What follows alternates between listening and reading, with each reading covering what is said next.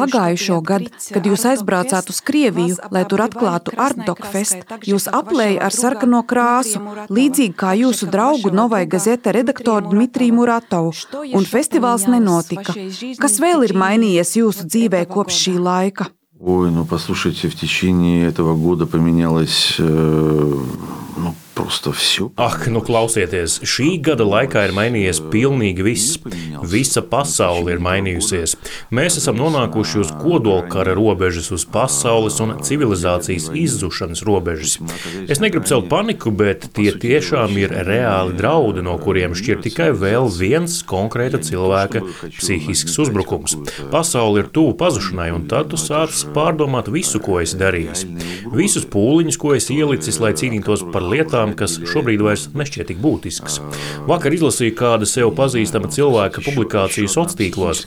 Viņš ļoti pārdzīvo, pat cieši par to, ka viņam Maskavā tā arī nav izdevies izveidot Tarkovska muzeju. Es viņam rakstu, slava par kādu Tarkovska muzeju tu runā, vai tiešām tas šobrīd ir galvenais? Es pie tam esmu izaudzis ar Tarkovska filmām, es tās dievinu, nekādā gadījumā neapšaubu Tarkovska varenumu un ieguldījumu pasaules kultūrā. Bet saprotiet, liels daudzums jautājumu, kas mums pirms 24. februāra bija principiāli svarīgi, tagad zaudē jebkuru vērtību. Un ar to kaut kā ir jātiek galā. Pat dzimtas turpināšana kaut kādā ziņā var tikt uztvērta ar šaubām. Tā es atbildēšu uz šo jautājumu, un es negribu nolaist zemāk šīs atbildes latiņu. И не хочу понижать э, планку этого ответа. Radienie roda dzimtas turpināšana. Рождение детей. Bērnu dzemdēšana. Kāda jēga šobrīd bērnu dzimšanai, ja civilizācijas likteni izšķirs viens maniaks, kurš var nospiest tikai vienu pogu un visa pasaule aizies pa pieskari? Es gan ceru, ka ļaunākais nenotiks. Ticu, ka dzimtu vajag turpināt un ka bērniem ir jādzimst. Cilvēkiem ir jāmīl. Cilvēcei ir jāturpina attīstīties, taču nedomāt par to, cik trausla šobrīd ir pasaule, ir diezgan neiespējami. Достаточно безрассудно. Sibīru. Starp citu, ir stāsts par latviešiem, kuri padomju laikā bija izsūtīti uz Sibīriju. Viņi izlēma neradīt bērnus, lai režīmam nebūtu vergu. To stāstīja Sandra Kalniete, kura tagad ir Eiroparlamenta deputāte. Вы знаете, в целом в Латвии... Ziniet, šobrīd kopumā Latvijā un arī pasaulē tiek apspriesta tāda bargāka politiskās sistēmas un kādas sabiedrības daļas pozīcija par neiecietību pret jebkuru krieviskumu, ka labo krievu vispār nesot. Pret to gan es, gan cilvēki, kas ir man apkārt, izturamies samērā kritiski. Taču, zinot Latvijas vēsturi un to, ko latviešiem nācies krievu dēļ piedzīvot, tu saproti, ka šai pozīcijai, gribi vai negribi, ir pamatojums. Cilvēki bija kļuvuši par upuriem impēriskajai mašīnai, kas aprīja likteņus, ģimenes, veselas paudzes. Un noteikti pat ģenētiskā līmenī Latvijā ir radusies atgrūšana, nevēlēšanās, negatavība sniegt atbalstu labajam krievam. Подставить плечо хорошему русскому. Сейчас у нас pat labam diskutējam par 25 tūkstošiem Latvijā dzīvojošiem Krievijas pilsoņiem, galvenokārt pensionāriem, kuri pieņēma šo pilsonību jau pēc Latvijas neatkarības atgūšanas. Naudas dēļ, vienkārši lai saņemtu Krievijas pensijas. Vai atņemt viņiem uzturēšanās atļaujas, vai tā ir tikai pilsonība, jeb politisks jautājums? Моя позиция достаточно жесткая. Mana pozīcija ir ļoti stingra. Ja tu esi pieņēmis tās valsts pilsonību, kas ir agresori un noziedznieci, tev no tās ir jāatsakās un jālūdz kādas citas valsts pilsonība, kas tev tādu dod. Vai, ja tu neatsakies no Krievijas pilsonības, tad brauc dzīvot uz Krieviju. Pat ja tev ir 158 gadi, piedodiet, bet kara situācijā tas izskatās tieši tā. Es dzīvoju Latvijā jau astoņus gadus, daudz ko jūtu un saprotu. Ja Krievija nebūtu uzsākusi karu, domāju, domāju, ka šāds jautājums nerastos, kur nu vēl, lai nonāktu līdz reālām darbībām. Cilvēki dzīvotu, saņemtu pensiju, varbūt atšķirtos kaut kāds komforta līmenis. То бы не стоял вопрос о переезде в Россию.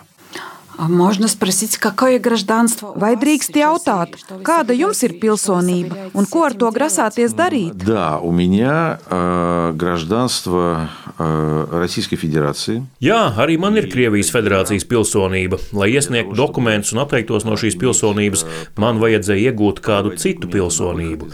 Kad sākās karš, es to izdarīju. Taču tikmēr Krievija mani izsludināja federālajā meklēšanā, uzsāka kriminālu procesu, un pēc Krievijas likumdošanas es tagad nevaru iesniegt dokumentus atteikumam no Krievijas pilsonības. Esmu kļuvis par šīs pilsonības ķīlnieku, varu no tās atteikties tikai pēc tiesas, kas mani vai nu attaisnos vai pasludinās spriedumu, kas man būs jāatsēž.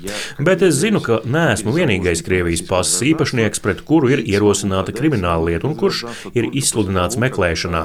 Piemēram, viens paziņa, kurš atšķirībā no manis nekad nav dzīvojis Ukrainā, saņēma Ukrainas pasi, jo Ukraina saprata, cik būtisks ir apstākļis, kāpēc Krievijas likumdošanas viņš citā ceļā netiks vaļā no Krievijas pilsonības.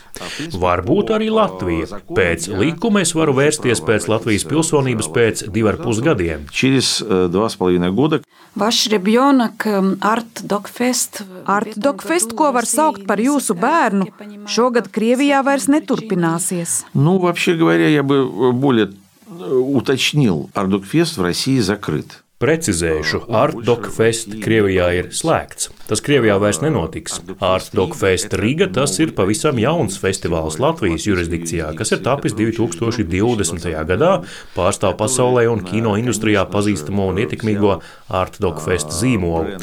Tam pievienojam to pilsētu vārdus, kuros notiek Artdok Fest. No vecā festivāla uz Artdok Fest Riga ir pārcelta konkursa programma, ko tagad sauc Artdok Fest Open. Un Open, jeb atvērtais formāts ļauj konkursam piesaistīt filmas no visas pasaules. Fokusējamies uz Rietumē Eiropas un Centrālā Azijas problēmām, bet esam atvērti filmām no visurienes, ja tās mentāli sakritīs ar mūsu domām, refleksijām un skatījumu uz pasaules procesiem. Bet tas nenozīmē, ka mēs pagriežam muguru krievalodīgajiem skatītājiem. Artdok Fest Rīga direkcija ir saņēmusi mums ļoti svarīgu finansējumu no dažādām Amerikas un Eiropas institūcijām, tādām mediju struktūrām kā Current Times un Deutsche Welle, lai mēs turpinātu vērsties pie Krievu skatītājiem. Internetā veidojam Krievijā aizliegto filmu konkursa programmu Art Doc Fest Online. Tur ir gan filmas no Ukrainas, gan Krievijas filmas, gan tā dēvēto ārzemju aģentu filmas. Šīs filmas Latvijā nerādīsim, bet arī tās atlasa festivāla direkcija.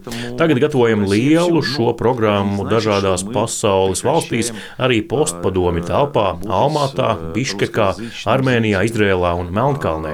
Pats Art Dog Fest Riga ir ļoti eiropeisks. Šogad no 48 filmām tikai divām autori joprojām dzīvo Krievijā. Vienai manifesto autors bija spiests parakstīties ar pseidonīmu, jo atrasties Krievijā un darīt savu vārdu zināmu, viņam ir samērā bīstami. Tas ir pazīstams režisors, kurš piedalījies un uzvarējis daudzos festivālos. Otra ir jauna režisora filma. Viņš uzņēmis melnbaltu filmu par ļaužu dzīvi pie atkrituma izgāstuves. Diezgan inteliģenti cilvēki ikdienu, kuriem apstākļi spiež lietot citu izmestos produktus.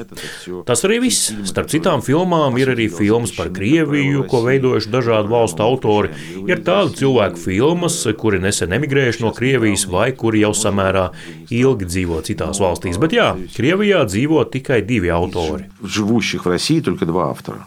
Kартина под псевдонимом. Filma ar pseidonīmu. Tas ir pavisam jauns pieejams, jeb labi aizmirsts vecais. Nē, šī brīža Krievijai tas nav jauns pieejams. Daudzi autori vai nu piesakās ar pseidonīmiem, vai arī parakstās autoru kolektīvus. Varbūt Latvijā to visi nezina, bet pietiek ar vienu ierakstu Facebook. Šī platforma Krievijā ir atzīta par teroristisku organizāciju, lai cilvēkam atņemtu brīvību uz astoņiem gadiem. To var atņemt arī nevis par vienu ierakstu, bet par ieraksta pārpublicēšanu. Piemēram, Natālija Belocerskovskaja, Krievijā samērā zināma sabiedrības dāma, turīga biznesmeņa sieva, kura bija mode žurnāla izdevēja, dalījās ar ierakstu šķiet par Mariupoles teātra iznīcināšanu. Viņai gan tiesa izdevās izbraukt no Krievijas, bet viņai piesprieda astoņu gadu cietumsodu. Понимаете? А здесь фильм. Человек снимает фильм. Конечно, он подписывается под псевдонимом, если он живет на территории России. Bet, ja Krievijā dzīvojošs cilvēks uzņem filmu, viņš, protams, parakstās ar pseidonīmu. Ja man pēkšņi vajadzēs ierasties Krievijā, mani arestēs jau uz robežas. Es tikko atzinos, ka saprotu tos latviešus, kas tik noraidoši izturas pret visu krievisko, bet jāsaka, lielākā daļa manu draugu šeit ir latvieši, kas ar izpratni izturas pret traģēdiju, ko pārcietuši arī tie krievi, kuriem vajadzēja bēgt. 2014. gadā, kad es aizbraucu no Krievijas, mani neviens neizdzina. Tas bija mans paša paša lēmums, jo nebija ar mieru dzīvot valstī, kas anektēja Krimu. Bet es tomēr aizbraucu komfortablā situācijā, varēju jebkurā brīdī iesaisties lidmašīnā un atrasties Maskavā. Bet tagad cilvēki aizbrauc pametot visu, nesagatavojot nekādus placdarmus, drošības jostas. Un atjēdzas Latvijā, kas tomēr ir samērā skarba pret viņiem. Nenosaukšu vārdus, bet zinu šādus stāstus cilvēku traģēdijas un bezizēju. Tieši šajās dienās manai vecākajai meitai Latvijas valsts beidzot izsniedza humanitāro vīzu. Esmu ļoti pateicīgs Latvijai par to, bet šis lēmums, pieprasot dažādus pierādījumus, tika pieņemts ļoti ilgi. Tagad rindā gaida mana jaunākā meita. Jā, man ir divas meitas, un lai arī abām vairs nav 15, viņas abas, karam sākoties, gribēja palīst zem vecāku spārna. Viņām paveicās saņemt pretimnākšanu, bet es zinu cilvēkus, kuri bija spiesti atgriezties Krievijā, kur viņu liktenis ir neapskaužams. Незавидно. Nu, будет, um, Bet kas cīnīsies pret sistēmu, ja visi tikai brauks prom? Вы знаете, мне кажется, что бороться против системы уже невозможно.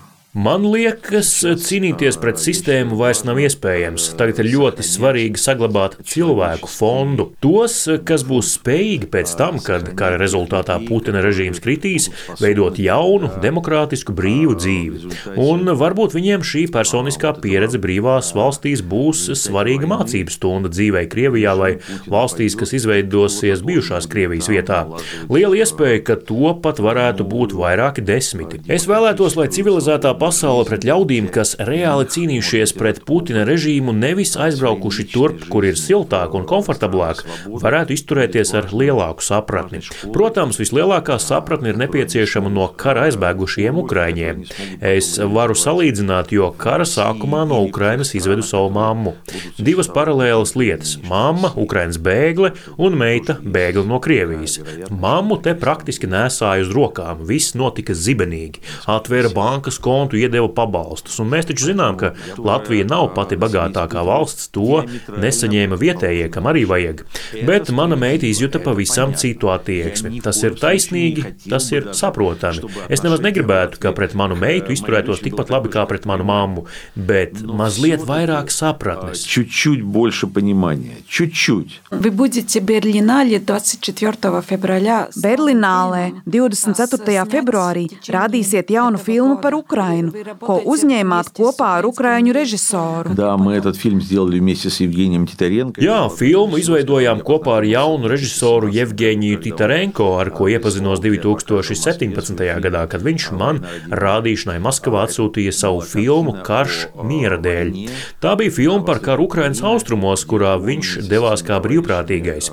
Teikšu uzreiz, mums neizdevās parādīt Krievijā šo filmu, šī vēlme vien izraisīja vērienīgu skandālu. Manu personisko lietu izskatīja nevis kabinetu dziļumā, bet galvenajos propagandas šovos Krievijas pirmajā TV kanālā un kanālā Rasija.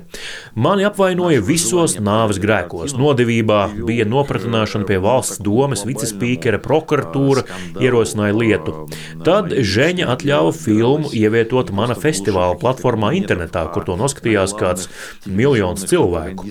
Tā mēs iepazināmies. Kad sākās pilna mēroga karš, viņš ar sievu, producenti Natāšu Hazanu ieradās Rīgā, ved uz fronti mašīnas, medikamentus, satikāmies, iedzērām tēju, un viņš sāka rādīt, ko jau pirmajās kara sekundēs ir nofilmējis savā mobilajā telefonā.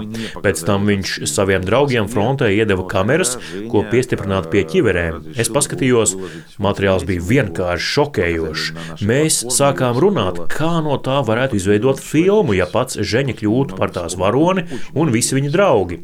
Tad skatītāji skatītāji varētu karu redzēt ne tikai caur viņu kamerām, bet arī reāli viņus saprast un aptaustīt, kur viņi dzīvo, kas ir viņu sievas un bērni, kāda ir viņu motivācija, kas lika kļūt par brīvprātīgajiem. Sapratām, ka šo materiālu vajag salikt kopā kaut kur frontes aizmugurē, un es devos uz Ukrainu, lai uzņemtu otru materiālu, kas ir otrs šīs filmas fundaments.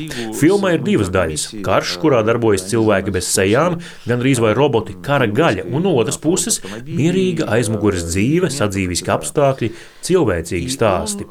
Tā radās, manuprāt, emocionāli ļoti spēcīga mākslinieciska izteiksme. Protams, man nav korekti runāt par savu filmu un vēl uzstāties kā labvēlīgam tās kritiķim. Ielūgumu uz divām galvenajām konkursu programmām Berlinālē, kas ir viens no trim pasaules galvenajiem kinofestivāliem, saņēmām tikai aizsūtot filmas melno variantu, bez skaņas, bez gaismas korekcijas, bez gala montāžas, bez visa tā, kas tieši sniedz spēcīgu iespaidu skatītājiem. Un svarīgākais, ka Berlīnas festivāls pieņēma lēmumu parādīt filmu 24. februārī, tā paša asiņainā, noziedzīgā, pilna mēroga kara gada dienā, padarīt to par festivāla galveno ziņojumu Ukrainas atbalstam. Вы думаете, Domājat, Putins arī šo filmu noskatīsies? Нет, я удивлен, что он смотрел фильм «Свидетели Путина». Nē, nē, brīnos, ka viņš noskatījās filmu Putina liecinieki. Viņš nav empātisks cilvēks. Filmu Austrumu fronte noteikti neskatīsies. Viņš, man liekas, vispār negrib redzēt realitāti, negrib neko kopēju ar to. Ir uzbūvējis kaut kādu savu pasauli, kurā viņam, es pat nezinu, vai ir komfortabli, bet šai viņa pasaulē nav nekā kopēja ar to, kurā dzīvojam mēs, kurā jūtam sāpes par Ukrainā notiekošo traģēdiju katru dienu, minūti un stundu. Nē, viņš to nesaprot un nejūt, jo, ja viņš to justu, viņa sirdī vajadzētu vienkārši uzsprāgt.